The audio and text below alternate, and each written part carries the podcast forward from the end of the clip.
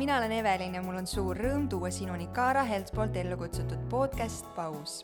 siin podcastis on fookuses erinevad teemad naiseks olemisest ja emaks kasvamisest ning seda tõetruult, teaduspõhiselt ja hinnangutevabalt. oktoober on rinnavähi teadlikkuse kuu ning sellest tulenevalt jagab tänases saates oma lugu selle ootamatu diagnoosiga Kristiina.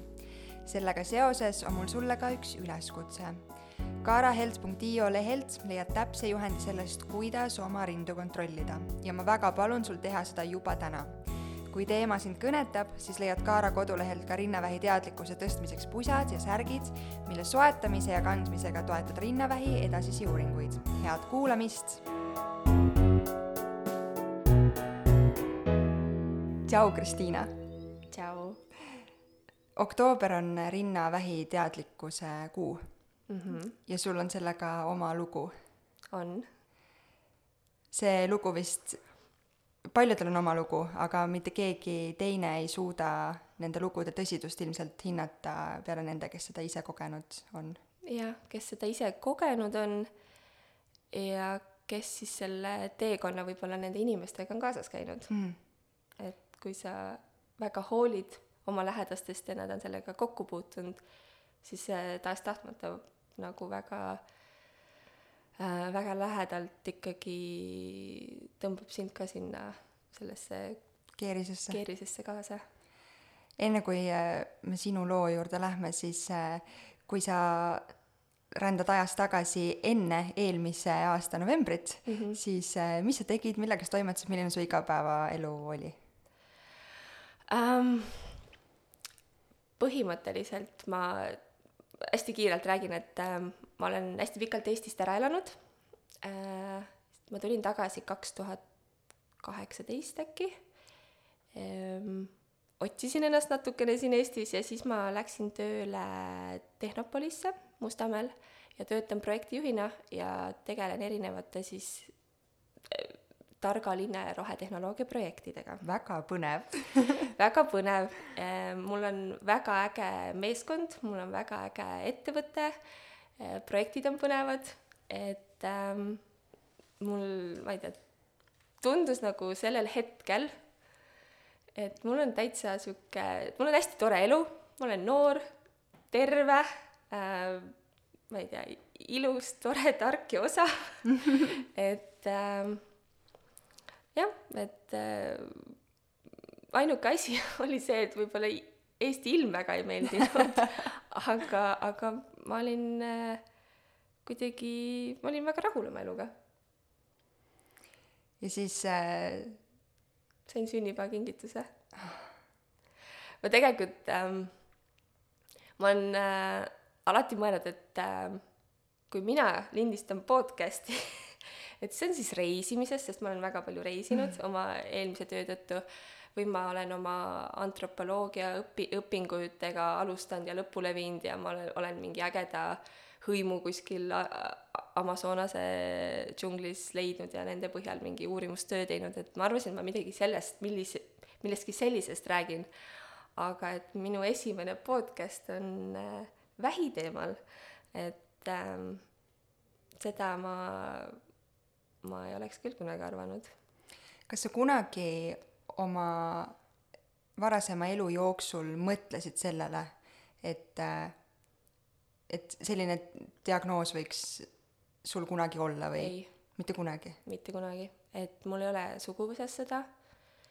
Ehm, ma olen, minu jaoks, ehm, mina alati mõtlesin rinnavähi, sest rinnavähist räägitakse kõige rohkem naistele ja see, see vist on see number üks vähk ka, mis naisi jaa, kakskümmend neli koma viis protsenti mhm. kõikidest mm -hmm. äh, vä-, vähihaigustest moodustab rinnavähk maailmas. et äh, mina alati arvasin, et mul on väiksed rinnad, et mul vähki ei tule. ma olen noor, mul vähki ei tule, ma, mul suguvõsas ei ole vähki, mul ei tule. ja ma olin jumala sada protsenti kindel, et see, et sihukese asjaga mina ei pea kunagi kokku puutuma aga no näed, läks natuke teistmoodi. elul on omad keerdkäigud. jah. meil on igas saates üks müüt, mida me kummutame ja mm -hmm. mul on tunne, et on paslik äh, tänase saate müüt kohe sinna alguses ära ku-, mm, siis ümber lükata mm. -hmm. ähm, väga palju arvatakse, et rinnavähk äh, ohustab äh, vanemaid inimesi ja naisi alates viiekümnendast eluaastast mm. -hmm. Ka minu meelest, kui ma ei eksi, siis Eestis sõeluuringut teostatakse alates viiekümnendast eluaastast. ma isegi, ma ütlen, ma päris täpselt ei tea, aga ta võib olla küll sihuke, mina olen praegu kolmkümmend kuus, et äkki sihuke nelikümmend kuus pluss midagi, et nad jah, siis hakatakse kutsuma alles. aga rinnavähk ei ole üldse mitte ainult vanemate naiste ei, haigus? ei ole ohustab ka noori naisi. jaa, ja isegi äh, noorematel naistel on see veel agressiivsem, sest sul rakud tegelikult äh, uuenevad kiiremini ja, ja siis see, see tähendab seda, et ka need vähirakud paljunevad palju kiiremini. ma ei teadnud seda, ma ei olnud, see on väga loogiline, aga ma ei, ma pole kordagi mõelnud sellele nii. et minul tegelikult, minu see rinna ähm, minul oli ka, minul olid ka valud tegelikult, mis on ka üks sellistest äh, äh, müütidest, et vähk ei ole valus. et kui mul valud tekkisid rinda, siis mina kohe guugeldasin, noh, sihuke mit-, ma ei, ma ei arvanud sellest sõnast äh, breast cancer väga midagi, ma lihtsalt äh, guugeldasin ma ja siis äh, vaatasin, oi, see ei ole valus on okei okay,, noh siis on kõik okei okay,, elasin veel paar kuud edasi selle, nende valudega, kuni ma siis arsti juurde läksin. mis esimene tunne äh,, mis see kõige esimene tunne üldse, kui sa oma rindasid katsusid, ma saan aru mm, -hmm. ja tundsid mingisugust no mul olid, no ühesõnaga, mul olidki valud ja valud olid äh, niimoodi, nagu keegi pussitaks mu rinda, et ma ikkagi võpatasin aga see ei olnud selline konstantne valu? ei, see ei olnud konstantne, aga ta sihuke käis ikkagi päevas äh, ma arvan, sihuke kümme-viisteist korda ja öösel ka, et ma ikkagi öösel ärkasin üles, mul olid valud. Ja siis, noh, siis ma guugeldasin, et see ei ole rinnavähk. ja siis ma need kaks kuud nende valudega olin, kuni ma siis lõpuks läksin perearsti juurde, ütlesin, et kuulge, et ma ei tea, et ma katsun, et sihuke suur muna on mul siin vasakus rinnas, et äh, see ei ole ju vähk. Perearst katsus ja ei, see ei ole tõesti, et see on rinnalihas, sest ilmselgelt ma ei osanud ennast katsuda ja ma arvan, et enamus naised ei oska tegelikult oma rindasid katsuda, et rinnad on niisugused hellad äh, kehaosad meil, mida me väga hoiame ja noh, see, kuidas arstid seda katsuvad, et see on hoopis teistmoodi. aga et mul on niisugune pisike tükk siin äh, külje peal, et seda võiks küll uurida ja siis mind saadeti äh, PERH-i ja mul on äh, ma väga kiidan oma perearsti, sellepärast et ta veel helistas mulle hiljem ja küsis, mis ajaks sa omale aja said, et äkki ma saan sind veel kuidagi seda kuidagi mõjutada perse või helistada kellelegi, et et äkki saab sind kuidagi vahele võtta. tal oli mure su pärast? jah, tal oli mure mu pärast. mina sellest aru ei saanud, ma mõtlesin lihtsalt, et, et väga tore ja sihuke vastutulelik arst. ja siis ma läksin PERH-i sama jutuga, et näe, siin on see suur muna, aga see väidetavalt on rinnalihas ja siis mul on siin mingi väike tükk ja siis see arst ka seal katsus, ütles jah, et teeme siis selle, uurime seda väikest tükki, mis sul siin on. tegin mammogrammi, mida ma väga kartsin, sest et või ma äh,, noh, mammograaf, issand, ma praegu ei teagi, kuidas see korrektne mhm. sõna on. ja ma väga kartsin seda, sest ma olen igasuguseid õuduslugusid kuulnud, kui valus see on ja kuidas äh, ma ei tea, litsutakse su rind seal laiaks ja ühesõnaga, et see on hästi ebameeldiv, et tegelikult minul oli vastupidine kogemus. Nad olid väga-väga hellad minuga noh, võib-olla see tulenes ka sellest, et ma lihtsalt nutsin ja värisesin seal. et äh, teda ei maksa karta, kindlasti. ma arvan, et äh, ükski uuring äh, sellises olukorras äh, ei saa olla hullem kui see lõppdiagnoos, mis sealt välja võib tulla, ehk siis ükskõik kui valus, ma näiteks üldse ei kannata nõelast, mulle ei, mulle ei meeldi, kui keegi mind torgib mm. -hmm ja aga see, et ma teen seda enda tervise huvides, et pärast võib veel hullem olla, keegi torgib mind kümme korda rohkem, siis see üks kord on seda väärt. nii et kõik uuringutele jah, kõik uuringutele ja tänapäeval need uuringud tegelikult tõesti ei ole nii äh, valusad või ebameeldivad, et äh, ja siis jah, ma tegin ultraheli veel. ultraheli oli natuke ebameeldiv, sest ta ikkagi käib sul selle ultraheli selle pulgaga või mis seal on, mhm, selline mm -hmm. otsik käib niimoodi rinna pealt, päris tugevalt surub, aga ta ei ole valus, ta on lihtsalt ebameeldiv. Ja siis nad tegid biopsia, mis tähendab seda, et nad võtavad selle tüki sealt äh, või niisuguse proovi selle tüki seest, mida nad nägid. ja siis oli vaikus kaks nädalat, kaks-kolm nädalat ja siis ma ise unustasin selle ka ära. mul kuidagi need valud andsid ka natuke järele.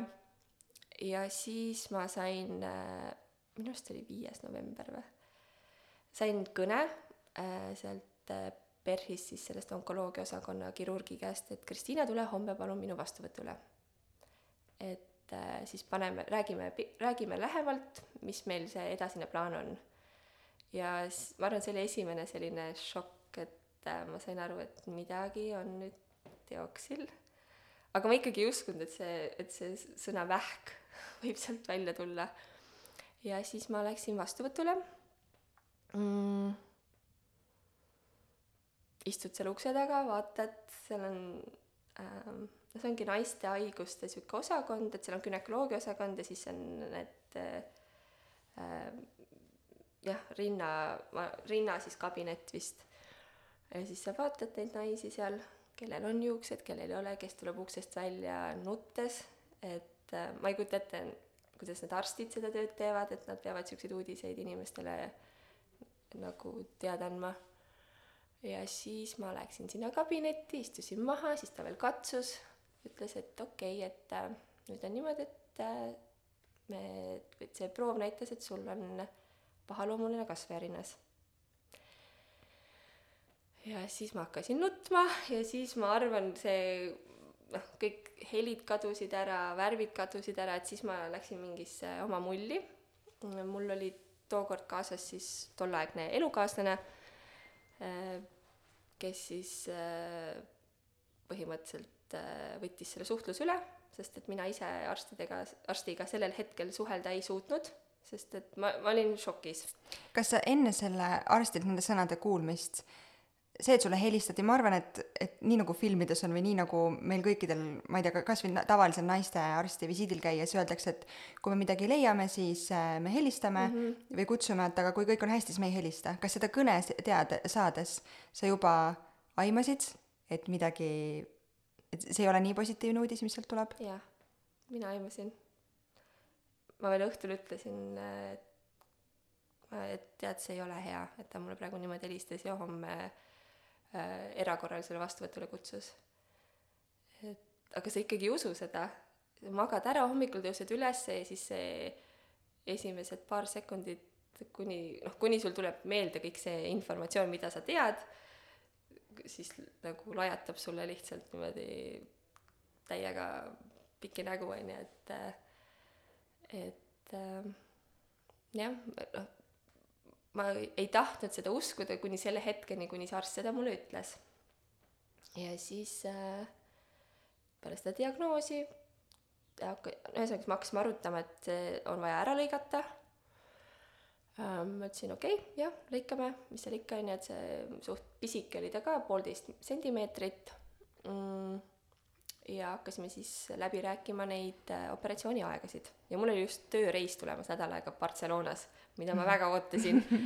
ja siis ma ka ütlesin, et issand, et ei, et oota, me peame nüüd mõtlema, et mul on Partsa piletid ära ostetud ja ühesõnaga siis ma nagu, ma ei adunud üldse tegelikult seda olukorra tõsisu-, tõsisust. ja siis äh, see arst ütles ka, et mine koju, mõtle järgi ja anna teada, kas sa tahad tulla kakskümmend kaks november haiglasse see oli siis kuskil kahe nädala pärast. kas seal oli üldse muud võimalik, võimalikku lahendust ka? ma mõtlen, et arsti poolt küsida, et kas sa tahad tulla e,?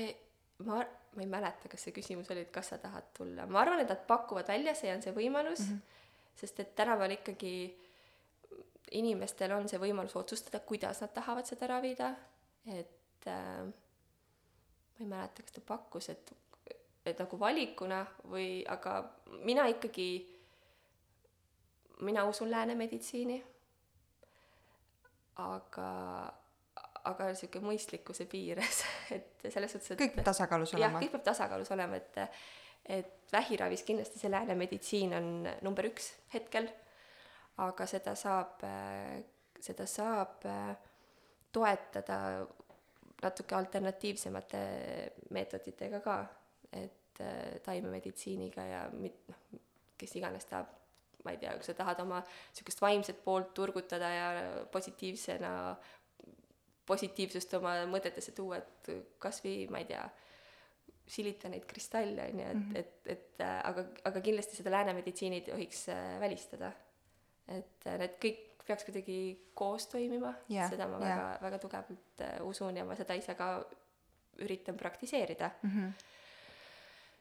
ja siis äh, ühesõnaga jah, sain selle diagnoosi ähm,, loomulikult kaks päeva hiljem helistasin arstile, ütlesin, et reis jääb ära, helistasin töö juurde, ütlesin, reis jääb ära, et ma ei saa, et mul on tervisega probleem, et ma ei veel ei rääkinud, mis mm -hmm. minuga toimub. ja siis ma kaheks nädalaks põhimõtteliselt lukustasin ennast koju, et oli just Covidi periood, et ma ei, ei tahtnud seda Covidit kuskilt külge saada, et operatsiooni edasi lükata ja siis äh, kakskümmend kaks november läksin ma, vahepeal mul tehti veel hästi palju erinevaid igast teste, proove, käisin selles MRI, see kompuuter, et ma ütleks, see oli kõige ebameeldivam. sest et äh, mul olid need veenid nii ära torgitud ja siis nad ei saanud neid kätte ja võib-olla see naisterahvas, kes seal oli, võib-olla oli pikk päev või mida iganes, et ta ei olnud ka kõige meeldivam mm. -hmm ja siis mind lükati sinna kompuutrisse, siis ta ka kuidagi lahmis neid rindasid sinna vahele niimoodi kuidagi. Siis ma lihtsalt, ma värisesin ja ma nutsin ja ma nuuksusin ja siis ta tuli sisse, ütles, mida sa teed seal, onju, et me ei saa sulle niimoodi seda, seda, me ei saa seda testi teha, et me hakkame otsast peale, onju.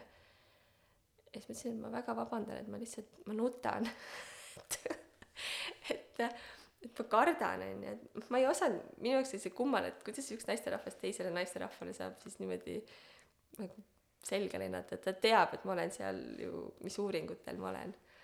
Siis ma võtsin ennast kokku ja hoidsin hinge kinni ja üritasin mitte nutta sellel hetkel seal. ja siis äh, jah, läksin kakskümmend kaks november, läksin kaheks päevaks haiglasse, et see väike tükk ära lõigata oma rinnast. siin lihtsalt kuulajatele natukene enne su looga mm -hmm. tutvudes Äh, et fookuses seada, et me räägime ühest väiksest tükist. jah, üks väike tükk oli, poolteist sentimeetrit. ja siis äh, arst jälle viis mind äh, sinna eraldi tuppa, ilusti pani mu istuma, katsus veel rinda, ütles, et okei okay,, et näed, me saime nüüd kõikide testide tulemused kätte veel, mis me siin vahepeal tegime juurde.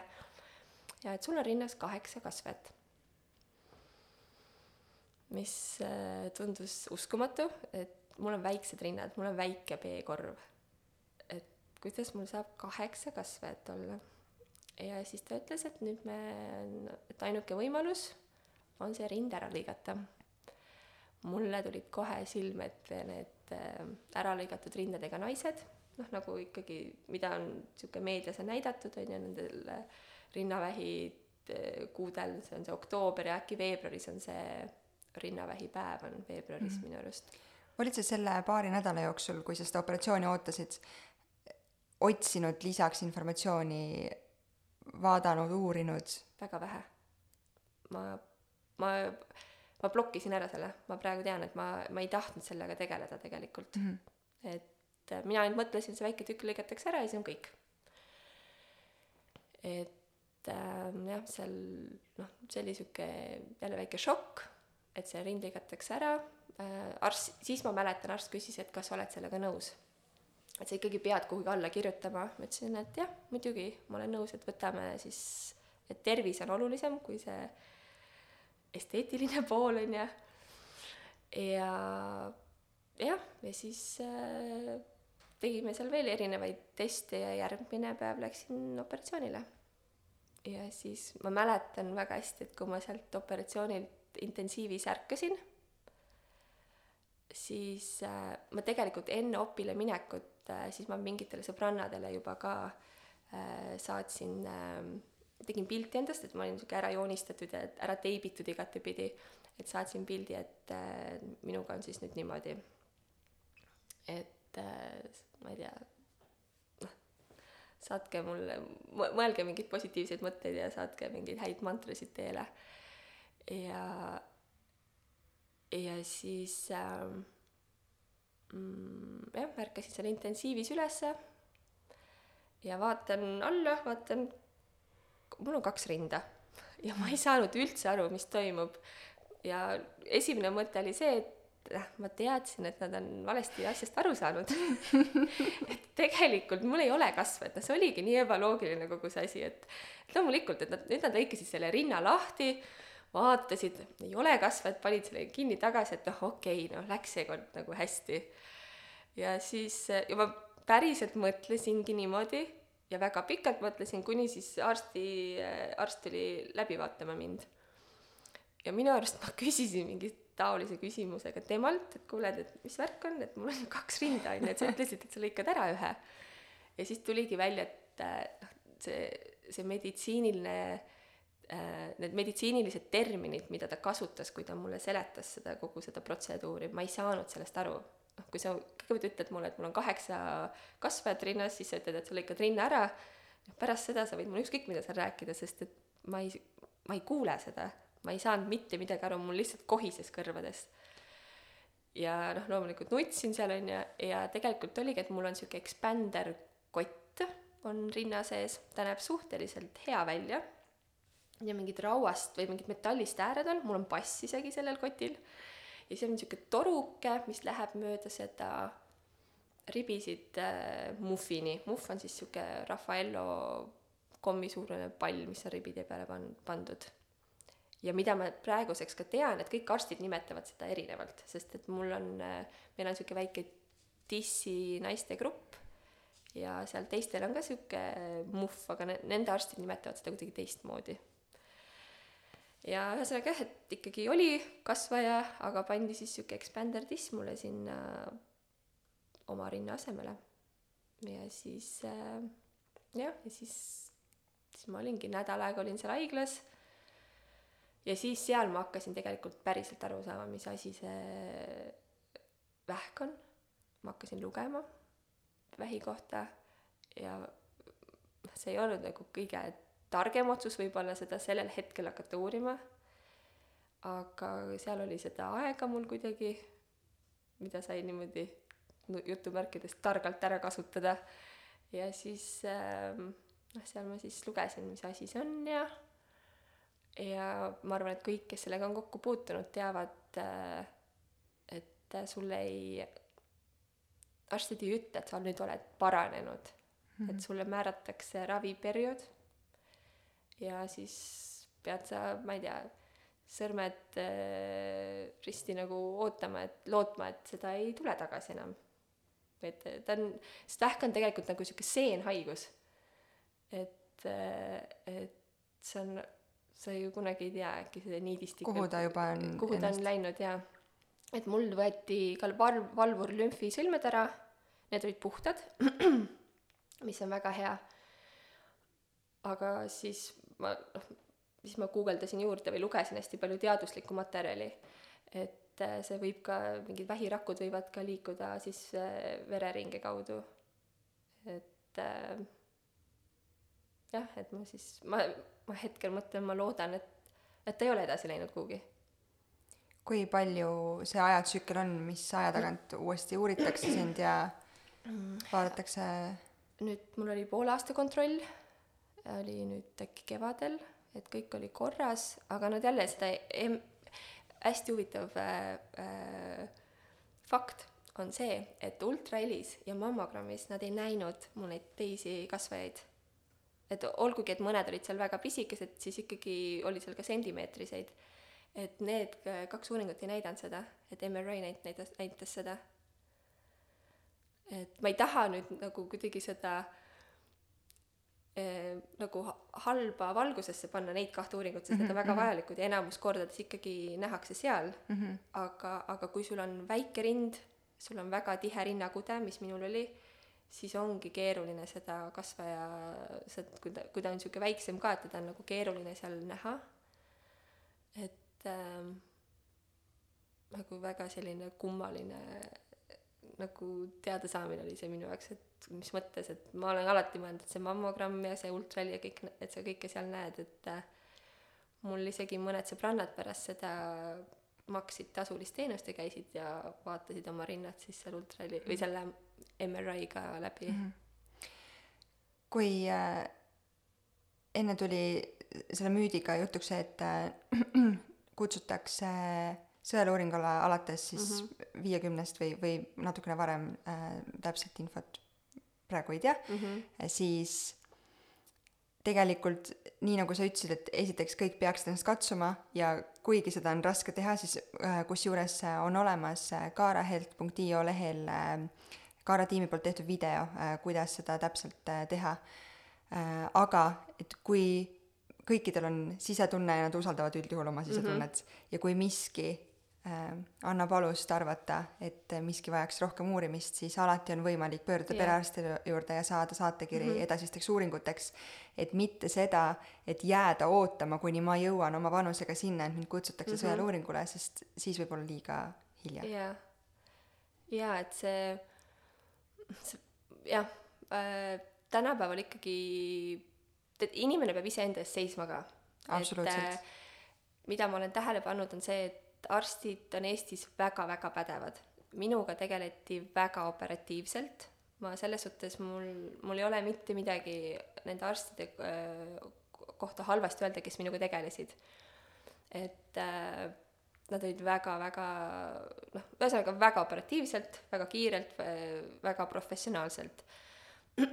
aga äh, arste on vähe ja patsiente on palju ja nad ei suuda kõikide, kõiki inimesi niimoodi individuaalselt ette võtta, et kui sul on tunni aja jooksul viisteist vähipatsient, patsienti käib läbi, noh, ja tal on kaheksa tundi on äkki tööpäev ja ma ei kujuta ette, kui pikad neil tööpäevad on, et milline selline emotsionaalne kurnatus sul võib päeva lõpuks võib olla, sest iga inimene on erinev. et mina võib-olla käin seal, olen niisugune positiivne ja rõõmus ja ega ma seal väga palju ähm, ei küsi ka, sest et noh, ma alati küsin, et kaua ma neid süste pean veel tegema, on ju, aga mõni võib-olla nutab, mõni võib-olla karjub, mõni võib-olla sõimab, et, et sa pead selle kõigega tegelema ja siis sa pead veel individuaalselt kuidagi sellele inimese, sellele haigusloole lähenema, et see ei ole võimalik, et sa pead ise hästi palju ka uurima juurde, lugema, helistama, kui sa tahad mingeid uuringuid juurde teha, siis sa pead seda ise arstile välja pakkuma,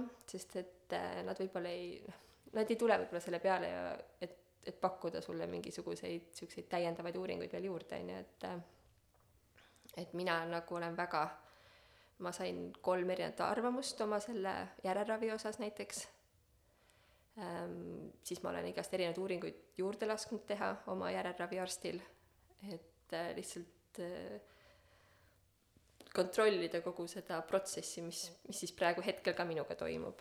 et äh,, et mul on järelravi praegu, mis tähendab seda, et ma saan hormoontablette ja kord kuus käin ühte kapslit kõhu alla, kõhu sisse süstimas.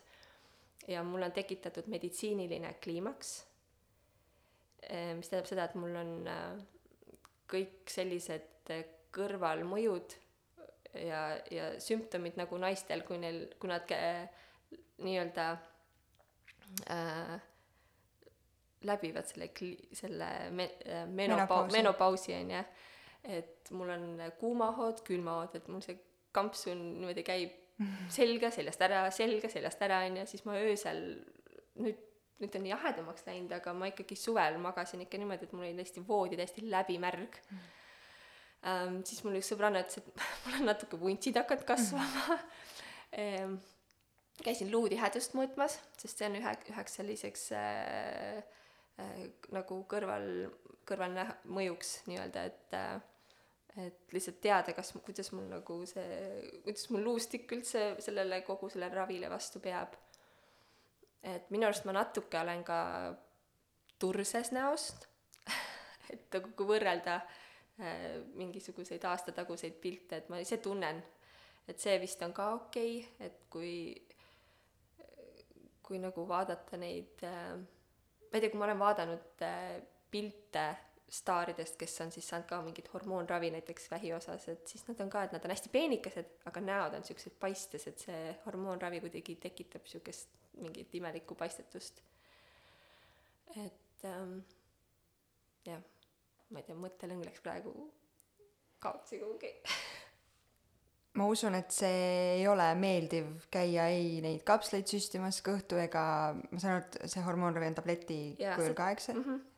et äh, aga võtad sa neid tablette nagu pigem positiivse meelega, teades, et see aitab sind, jah, hoolimata nendest kõikidest ebameeldivatest kõrvalmõjudest. ja, ja ma, ma siinkohal jälle ütlen, et ma usaldan lääne meditsiini, aga ma konsulteerin äh, erinevate niisuguste alternatiivmeditsiini praktiseerijatega ka, et lihtsalt toetada kogu seda, seda protsessi, et kas siis äh, võtta juurde mingisuguseid seenepulbreid ja mingeid turgutavaid teesid ja tinktuure, et, et ma niimoodi nagu üritan seda, seda, seda äh, äh, lääne meditsiini neid kõrvalmõjusid natukene nagu leevendada. aga see on jälle, see on mina, ma ise uurin seda, ma ise mm, mul on sõbranna, kes on õppinud seda ja mul on nagu inimene kohe nagu hea lähedalt võtta mm -hmm. ja tema käest küsida ja, ja, ja rääkida ja ma tegelikult temaga oleme väga palju ka enne minu diagnoosi saamist rääkinud vähi teemal, et et see ravi on nagu okei okay,, mis see lääne meditsiin pakub, aga et seda peaks kuidagi toetama siis äh, selle taimemeditsiiniga. et nii naljakas, et me oleme seda mitu aastat enne seda juba olime, olime lihtsalt nagu arutanud.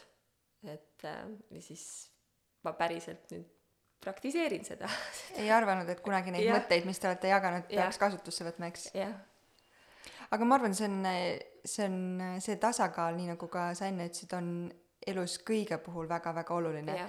et äh, ma ei tea, mul näiteks äh, raseduse ajal tekkis äh, täiesti ohjeldamatu Coca-Cola isu üks hetk aga siis ma mõtlesingi, et, et okei okay,, noh, ilmselgelt ei ole mhm. Coca-Cola mingi maailma kõige tervislikum jook, mida endale sisse kallata, eriti kui sa samal ajal küpsetad beebit endal kõhus, aga siis, et selle arvelt ma jätsin võib-olla mõned muud sellised kehvemad valikud toidulaual tegemata ja sõin, ma ei tea, mahedaid puu- ja juurvilju, mis nagu, et seda tasakaalu säilitada mm. -hmm. et me ei saa tänapäeva maailmas, ma arvan, mitte ühestki, me ei saa nagu hästi äärmuslikuks langeda ja olen nõus ja lihtsalt äh, me peame suutma teha nendest kehvematest valikuid kõige paremaid. jah, et sihuke balanss peab olema yeah., et midagi keelata ei ole mõtet. kui mina selle diagnoosi sain, see oli viies-kuues november eelmine aasta, siis ma ka, ma päevapealt muutsin oma äh, söömisharjumusi.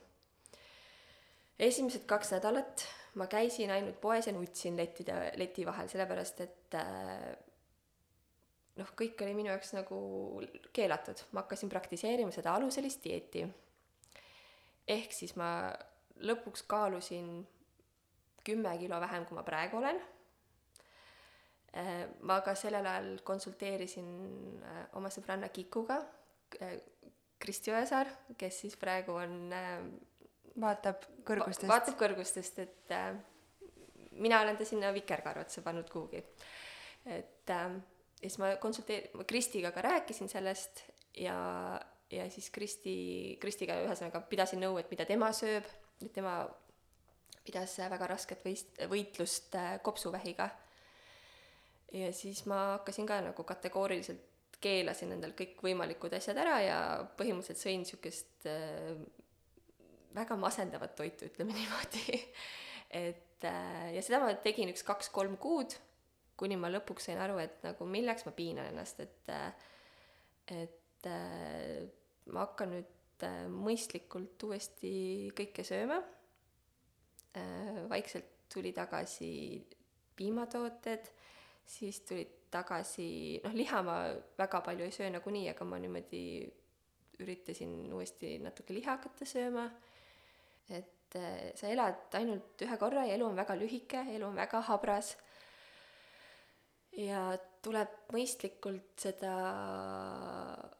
aega ära kasutada ja võimalikult äh, vähe teha asju, mis on ebameeldivad sinule. Kui palju erineb su tänane igapäev sellest äh, aastatagusest igapäevast mm,? mis enne diagnoosi enne saamist? diagnoosi ähm,. mõtled sa sellele iga päev, mis sinuga, mis sa nüüd, läbi oled elanud? nüüd olen hakanud jälle rohkem mõtlema selle peale. et ähm, see esimene kuus kuud loomulikult see oli noh, igatepidi oli, seal oli nii palju erinevaid šokeerivaid äh, hetki mu elus, et äh, niisugune novembrist aprillini oli üleüldse väga keeruline periood.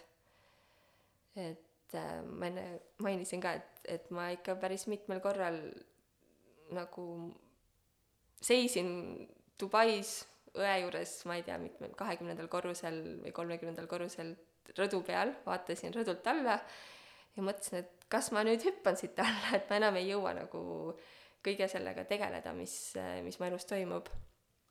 ja siis ma, siis ma mõtlesin Kiku peale, et äh, juba Kiku pärast see, mis tema läbi elas ja et tema selle, sellele vähile kahjuks pidi alla andma, et ma juba tema pärast olen tugev ja ma ei mõtle siukseid mõtteid ja, ja mine tagasi siit rõdult, et mida sa siin passid siit alla ja mõtled mingeid totakaid mõtteid, et äh, iga kord, kui mul tuleb sihuke mingi enesehaletsustunne natukene peale või hakkab kurb või kuidagi jälle, kuidagi olen mingisuguses kohas, kus on niisugune mustad mõtted võtavad su üle, siis ma kohe mõtlen Kiku peale ja, ja ma kuidagi saan jõudu juurde. kas see on ka põhjus, miks sa täna oma lugu otsustasid jagada um,? et kellelegi tead, ma, seda vähidiagnoosi, seda ei tohi varjata. et sellest peab rääkima, seda ei pea nüüd niimoodi äh, nagu peale suruda ei saa, aga sellest peab rääkima, sellepärast et kui sa selle diagnoosi saad, kui sa oled noor naisterahvas, siis minu jaoks oli väga keeruline alguses üldse kellegiga rääkida, kes mõistaks mind, et ma olen noor, mul ei ole lapsi, minu see järelravi põhimõtteliselt praegu on pannud mind äh, nii-öelda pausile ka sihuke äh, pere loomise nagu äh, noh, pere loomise plaanid on edasi lükatud. et, äh, et ma nagu, mul alguses ei olnud niisugust tugivõrgustikku endavanuste naiste näol, et ma hakkasin neid siis lõpuks otsima läbi tuttavate. ja siis nüüd, nüüd mul see on olemas, et meil on niisugune äge väike punt, me nimetame ennast meil on Messengeris dissid on grupi nimi, et me oleme kõik erinevate vähitüüpidega, erinevate staadiumitega, erinevate operatsioonidega, plaanidega, kõik, et, et äh, hästi keeruline on, inimesed varjavad ikkagi veel tänapäeval seda vähidiagnoosi, kui nad on saanud. mis sa arvad, miks?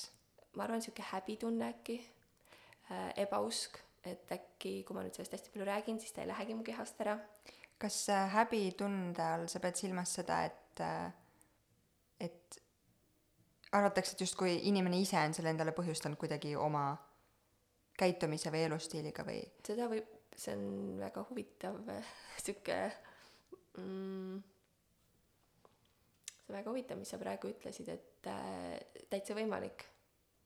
et äh,, et jah, et äkki sa ise oled midagi teinud, mis sind sinnani on viinud või selle haiguse sulle niimoodi äh, nii-öelda nagu see, see haiguse sulle toonud, et erinevad siuksed alternatiivmeditsiini äh, valdkonnad tegelikult ju räägivadki, et see on su mingisugune, su mõtted olid negatiivsed või et äh, sul, ma ei tea, mingi kolm põlvkonda tagasi vanaema tegi midagi, et, et äh, et noh, seda ma ei usu, ütlen kohe, et ma arvan, see on mingi totaalne BS, on ju aga, aga, aga, aga inimesed, noh, kui sa selle diagnoosi saad, siis sa kõikvõimalikud infokillud, mis sa saad selle haigusega seoses, sa kõik nagu võtad vastu, sa üritad neid analüüsida ja mõelda ja, ja ma olen ka mõelnud, et äkki mul see mingi viis generatsiooni tagasi mingi vanatädi, ma ei tea, ma ei tegi mingisugune,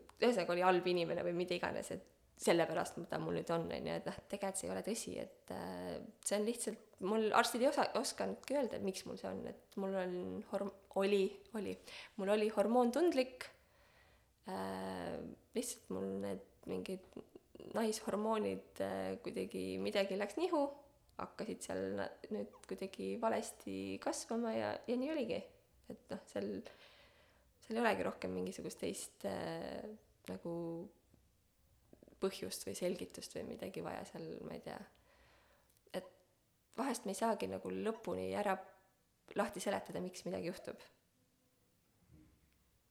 ja see häbitundega, et äh, mida ma ise olen nagu ka analüüsinud ja mõelnud, et äh, et ma mäletan, et Kikule ma, mul oli häbi talle rääkida oma vähidiagnoosist, sest et minu vähidiagnoos oli parema nagu väljavaatega. väljavaatega.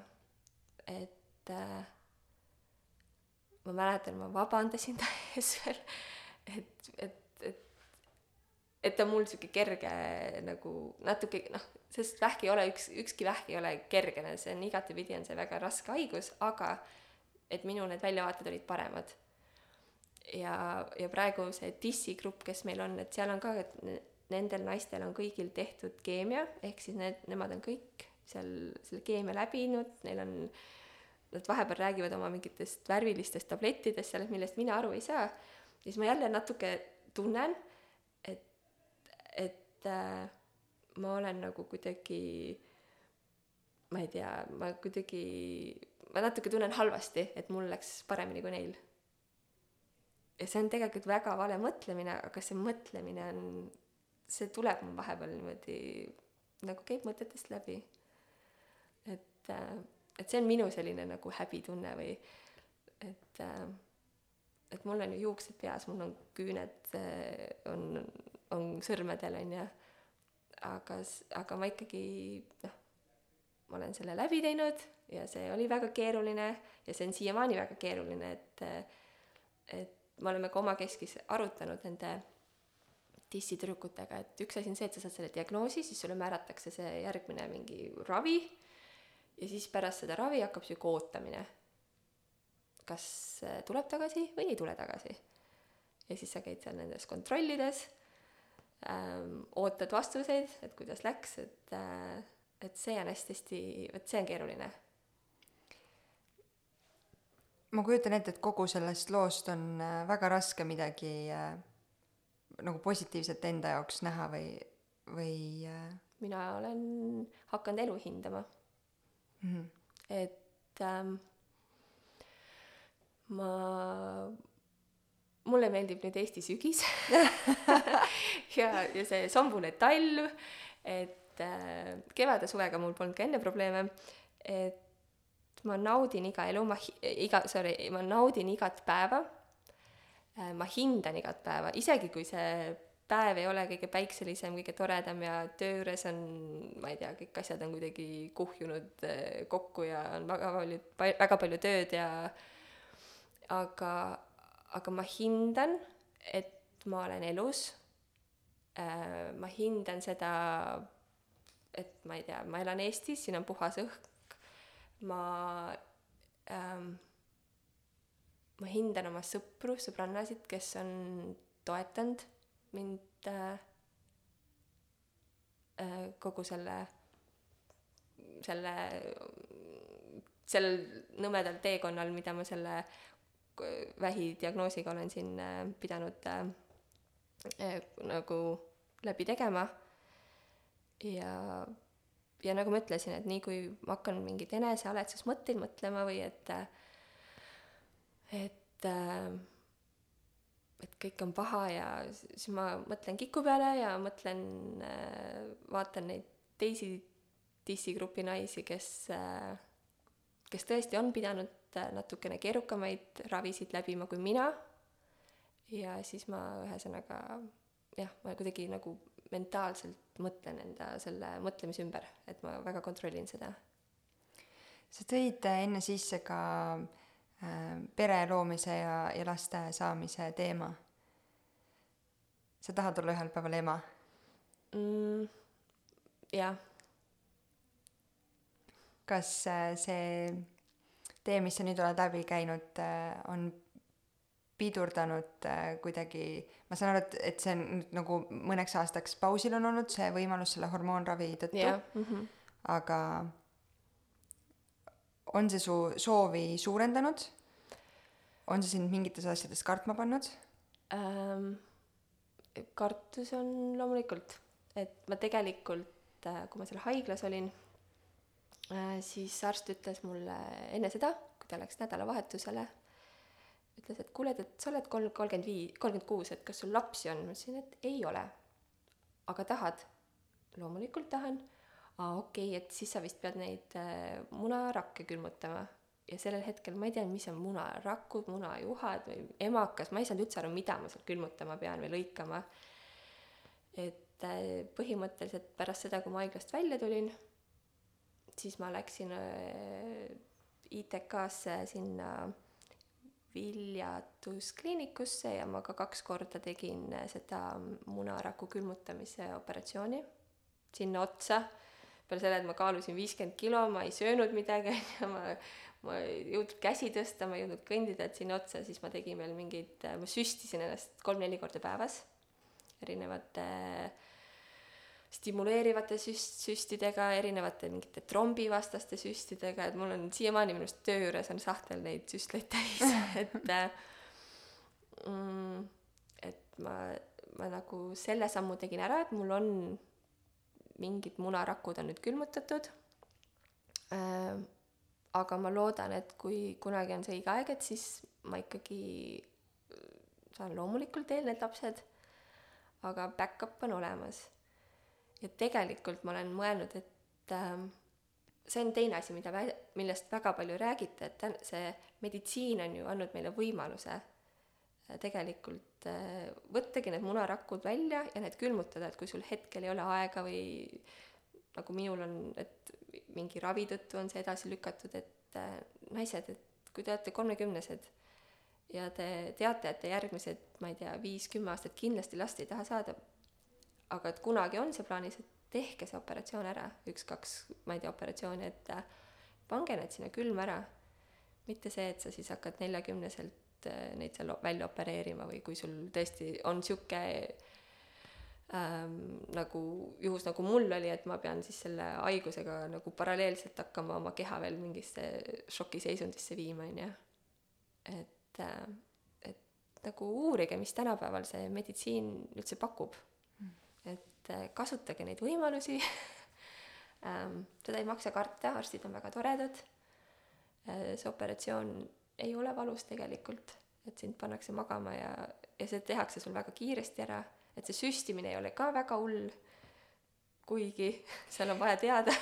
Kõik positiivse lõpp äh, sellise tulemuse nimel jah, et see kõik on teostatav ja, ja tuleb teha niisuguseid mõistlikke otsuseid, et ei saa elada selle mulli sees, et minuga ei juhtu midagi, et noh, ma ütlen, meil oma tutvusringkonnas või oma tüdrukute seltskonnas on, meil on kaks vähijuhtumit, eks ole, et et noh, mis, what are the chances, on ju, et meid on kaksteist, üksteist, kaksteist tüdrukut, on ju, et, et kaks siis said, on ju, vähidiagnoosi, et, et jabur.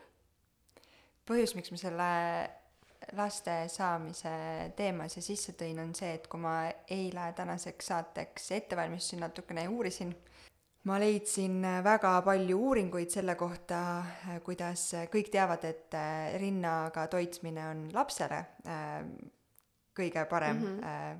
kui on see võimalus, siis tegelikult on see ka emale väga-väga hea, sest iga kaksteist kuud rinnaga lapse toitmist vähendab rinnavähki haigestumise tõenäosust üle nelja protsendi ja see kaksteist kuud ei pea olema jutti, et sa nagu ühte last mm -hmm. imetad aasta aega järjest, vaid kui sul on, ma ei tea, kolm last ja sa oled ühte mm -hmm. pool aastat ja aasta ja nii edasi, et siis nagu selline kokku summeeritult ja sellest ei ole mitte kuskil, mina ei olnud seda varem mitte kuskilt kuulnud mm, -hmm. mis oli minu jaoks tohutult äh, nagu selline silmi avardav äh, mõte.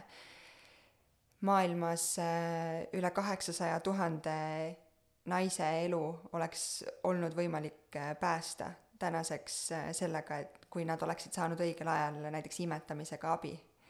rääkimata üldse nendest rahasummadest, mis mm -hmm. liiguvad nii vähiravis kui siis näiteks rinnaga toitmise konsulteerimist ja ennetamist, mi-, mis kulud oleks sinna olnud, et see mhm. oli lihtsalt minu jaoks eile nii silmi avav info. Kui palju sa täna mõtled sellele milline su edasine elu sellest diagnoosist täna võib, kuidas see kulgeda võib või kuidas minna võib? ma saan aru, et sa võtad igat päeva, naudid ja võtad seda hetke nii, kuidas äh... mm. -hmm. ma mina olen alati arvanud enne seda, enne eelmise aasta novembrit, et ma elan kindlasti noh, kaheksakümmend ühe, kaheksakümne, üheksakümne aastaseks. praegu ma mõtlen niimoodi, et, et ma tahaks selle esimesed viis aastat ära elada, et see, öeldakse, et see esimene viis aastat on selline kriitiline periood, et kui selle aja jooksul sul see lähk tagasi ei tule, et siis on, siis on kõik hästi, siis sa nagu oled vähist vaba vist. et ähm, ma ei, ma, ma teen küll pikemaid plaane, et ma tahan sinna minna, tahan seda teha ja ma ei tea, mõtlen, et jah, kuuekümne aastaselt ma ei tea, chillin kuskil Palmisaarel. Aga samal ajal mul on kogu aeg ikkagi kuklas on see teadmine, et äh, ma olen riskirühmas ja, ja ma noh, ma ütlen, et need, need siuksed enesehaletsemise või sellised tumedad mõtted aeg-ajalt tulevad, nendega ma siis kohe tegelen, niimoodi kuidagi mõtlen, raputan nagu pead ja mõtlen ei, ei, ei, nii ei, noh, kuidagi surun need mõtted maha ja tegelen nendega või kuidagi lahendan nad ära. et ähm, jah, ma ei oskagi öelda, et, et natukene selline äh, kaootiline on see, on see tuleviku planeerimine hetkel minu jaoks unistad sa mm,? ikka unistan, aga ma ei tea, kas ma, ma, ma pigem, ma ei unista sellest, et oo, ma elan kaua, aga ma unistan võib-olla mingitest äh,, äh, mul on oma mingi to-do list, mida, mingid asjad, mida ma tahaks elust ära teha, proovida, näha, et ma unistan, et ma need, need saaksin ära teha ähm,. jah, sihukestest asjadest ma unistan. ma usun, et sa väga palju selliseid äh, suuri soove edasi vist ei lükka, et sa teed neid esimesel võimalusel äh,. ma proovin jah, et seda ma olen, seda ma olen väga palju nüüd äh, muutnud, et kui mul ikkagi midagi, ma väga tahan teha, tee ära. kui sa midagi head tahad kellelegi öelda, ütle, kui sa midagi halba tahad kellelegi öelda, kõigepealt mõtle ja siis ütle, et äh, ma olen, ma ei, jah, sihukest nagu, maailm on niigi praegu hästi sihuke, nagu need asjad, mis toimuvad siin hetkel maailmas, on hästi keeruline, hästi selline, väga palju julmust on. Ja siis ühesõnaga mina nagu omalt poolt proovin siis seda äh, natuke leevendada nagu sellega, et ma vähemalt olen siis, üritan olla positiivne ja proovin öelda häid asju inimestele ähm,. ja tegelikult äh, ma proovin oma lähedaste inimestega aega koos veeta et äh, see ei lähe kõige paremini, sest et mul on noh, nii palju kogu aeg tegemist, aga tegelikult see aeg tuleb leida. et ähm,, et me, me, me ei tea ju, kauaks meid siin on. et tegelikult tuleb teha elus seda, mis sulle meeldib. ja ei ole mõtet põdeda. hoolimata kõigest sa naudid sa täna oma elu? jaa, ma just jalutasin siia ja ma väga nautisin, et äh, mulle väga meeldis see sombune hall taevas äh,, need lehed, see sügise lõhn ja mul oli, mul oli, mul on väga hea tuju või mul on väga, ma olen väga positiivselt meelestatud, mul on äh,, ma olen väga heas töös. ja nä-, aasta tagasi siukse ilmaga ma arvan, et ma oleks seal kodus voodis vingunud, et issand, mis ilm jälle, appi kui nõme. nüüd ma, ma sihukest asja enam ei tee. Et äh, elu on üks sihuke äge teekond ja kahjuks me ei oska seda hinnata. ja seda me hakkame hindama alles siis, kui, kui see elu selline jätkamine pannakse sul küsimärgi külge, et noh, et, et võib-olla, ei tea, kui kauaks, et siis sa hakkad seda mõtlema, et äh, ei ole mõtet äh, jaurata sellega, et äh, kohe ei ole vaja saada mingisugust vähidiagnoosi või et keegi lähedane kõrvalt ära sureb või midagi siukest, et eh, kohe ja siin ja praegu. elu on nagu noh, sihuke nips. üürike. väga-väga lühike. see küsimus võib kõlada nagu megatotralt, eriti kuna me rääkisime siin enne sellest süütundest ja, ja sellest, miks naised võib-olla või üldse inimesed ei taha jagada äh, tihti oma selliseid raskeid katsumusi ja lugusid aga mul jääb kripeldama muidu, kui ma ei yeah, küsi yeah.. Äh, kas sa tunned või oled mõelnud sellele, et kas sa oleksid saanud midagi teistmoodi teha oma elus selleks, et kogu seda lugu üldse ei olekski olnud? vot ei tea.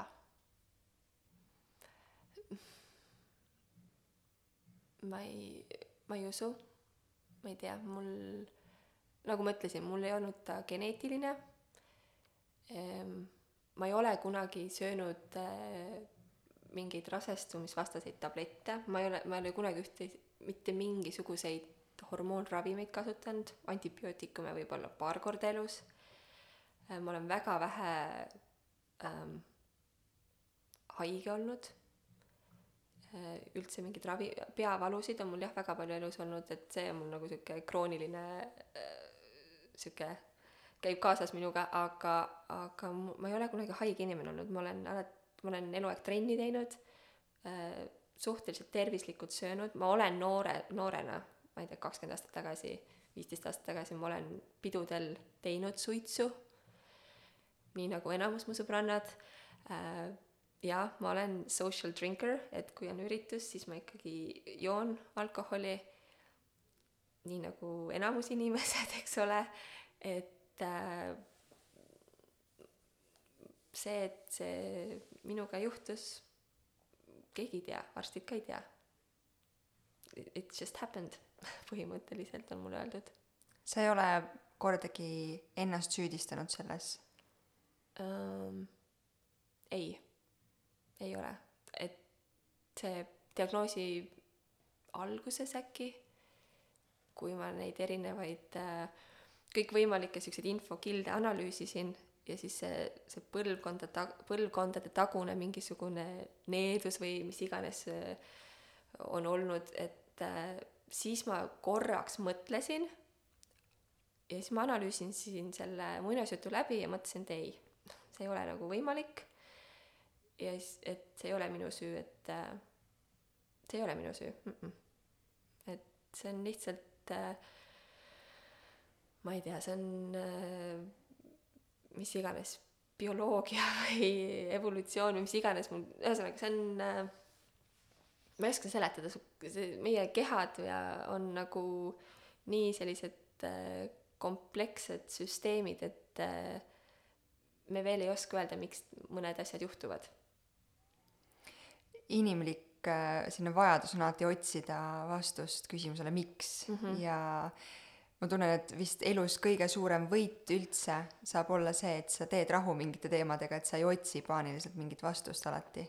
ja siis ma lihtsalt tihti, kui ma ei oska enda jaoks midagi seletada, siis ma ütlen, et see ongi elu ja,. jah, jah, täpselt äh, nii ongi. et äh, kõigele ei peagi olema põhjendus alati. Et see on, noh, minul on väga lihtne põhjendus mul hakkasid need äh, hormoon, hormoonidest äh, tingituna mingid rakud seal kuidagi valesti kasvama ja nii ongi. selle taga ei ole see, et, äh, et ma viisteist aastat tagasi tegin suitsu või et ma ei tea, et ma võtan, mul vanatädi midagi tegi halvasti, et see ei ole sellega üldse seotud, et see on, see lihtsalt on niimoodi. Ja seal ei ole vaja põhjendust leida, et pigem tuleb tegeleda nüüd selle ravimisega ja kuidas see elu edasi läheb. et mitte nagu süüdistada kindlasti ei, ei, ei tohi ennast. kui äh, kuulaja peaks tänasest saatest ähm, kolm mõtet või soovitust kaasa võtma, siis äh, millised sinu poolt need kolm mõtet on mm.?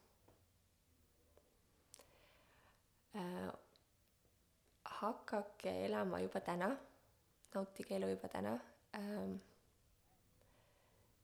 Äh, hoidke, hoidke teineteist ja oma kalleid inimesi ja, ja ärge kartke emotsioone välja näidata või, või siukseid ähm, positiivseid sõnu teineteisele öelda. ja kolmandaks, kuulake oma keha. Keha ütleb, äh, kui seal midagi on valesti või on mingisugune uus äh, protsess toimumas, ta annab sulle kohe märku. et äh, tänapäeval on elutempo on nii kiire, et sa ei panegi tähele, sa midagi kuskilt natuke valutab, okei okay,, võtan valuvaigist ja life goes on, et et võtke natuke seda aega maha, kuulake, kas see on nagu okei okay,, et mul siit tuikab või ma ei tea, silmaalused on liiga tumedad ja mul on, olen väsinud kogu aeg või et, et kuulake oma keha ja minge arsti juurde ja küsige, et näed, ma tahan seda, seda, seda testi teha ja, ja ja ei maksa karta seda vastust isegi, mis sealt tuleb. et see tuleb nagunii, kui seal midagi on, on, midagi on nagu mingi, mingi negatiivne protsess on käimas, see vastus tuleb nagunii.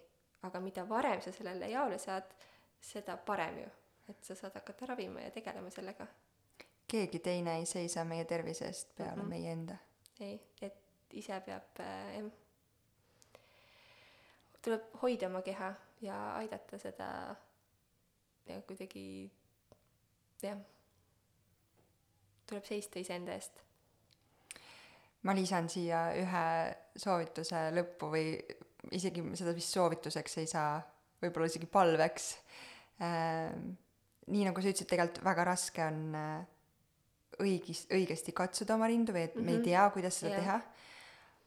aga teha seda vähemalt sellel moel, nagu me oskame mm, -hmm. on parem kui üldse mitte seda teha yeah.. nii et kõik naised vähemalt kord kuus duši all olles või vannis mõnuledes või, või lihtsalt üks hetk endale võttes ja katsudes oma rindu, on võimalik äh, on võimalik muutusi näha või yeah. tunda, kui neid on.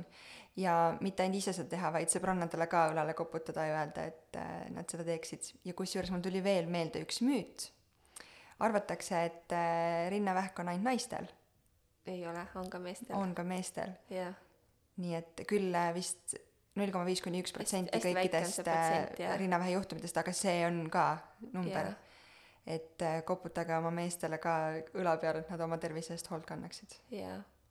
tegelikult hästi põnev veel, mis on seotud lääne meditsiiniga, et tänapäeval on erinevaid äh, ju neid geeniteste mm, -hmm. et äh, mis on küll tasulised, aga, aga kui sul on võimalus, äh, ma ei tea, jätad paar korda restoranis käimata või jätad mõne tüdrukute reisi vahele ja lähete hoopis sõbrannadega, teete selle, selle geenitesti, et tegelikult saab testida ja vaadata ka, et kuidas sul, kas sul on nagu kas soodumust millekski. kas sul on soodumus selleks, jah. et siis sa saad ju ka hakata juba vaikselt äh, kas tihedamini kontrollis käima ähm,, ma ei tea, noh, mis iganes, sa saad hakata seda kuidagi, sa ei pea hakkama selle peale mõtlema, aga see on niisugune tark käitumine, et meil on ju see, meditsiin on andnud selle võimaluse, et miks me seda ei kasuta. absoluutselt. aitäh sulle, Kristiina! aitäh! mul on äh, ausalt väga kurb äh,, et sa oled pidanud selle teekonna ette võtma et see lugu on sinuga juhtunud, aga samas ma usun, et kõik juhtub põhjusega ja äkki mm -hmm. see, et, et sina oled see tee läbi käinud ja ma loodan, et edasi läheb ainult kõik äh, tõusujoones ja positiivselt, siis äh, ma loodan, et see lugu on meeldetuletuseks äh, oma tervise eest hoolt kanda ja, ja lihtsalt tõstab teadlikkust äh, noorte naiste seas. jaa, ma loodan ka. aitäh sulle! aitäh! tšau! tšau! saate toob sinuni Kaara, naiste tervise ja heaolu edendaja rasedus- ning emadusperioodil. vaata lähemalt kaarahealth.io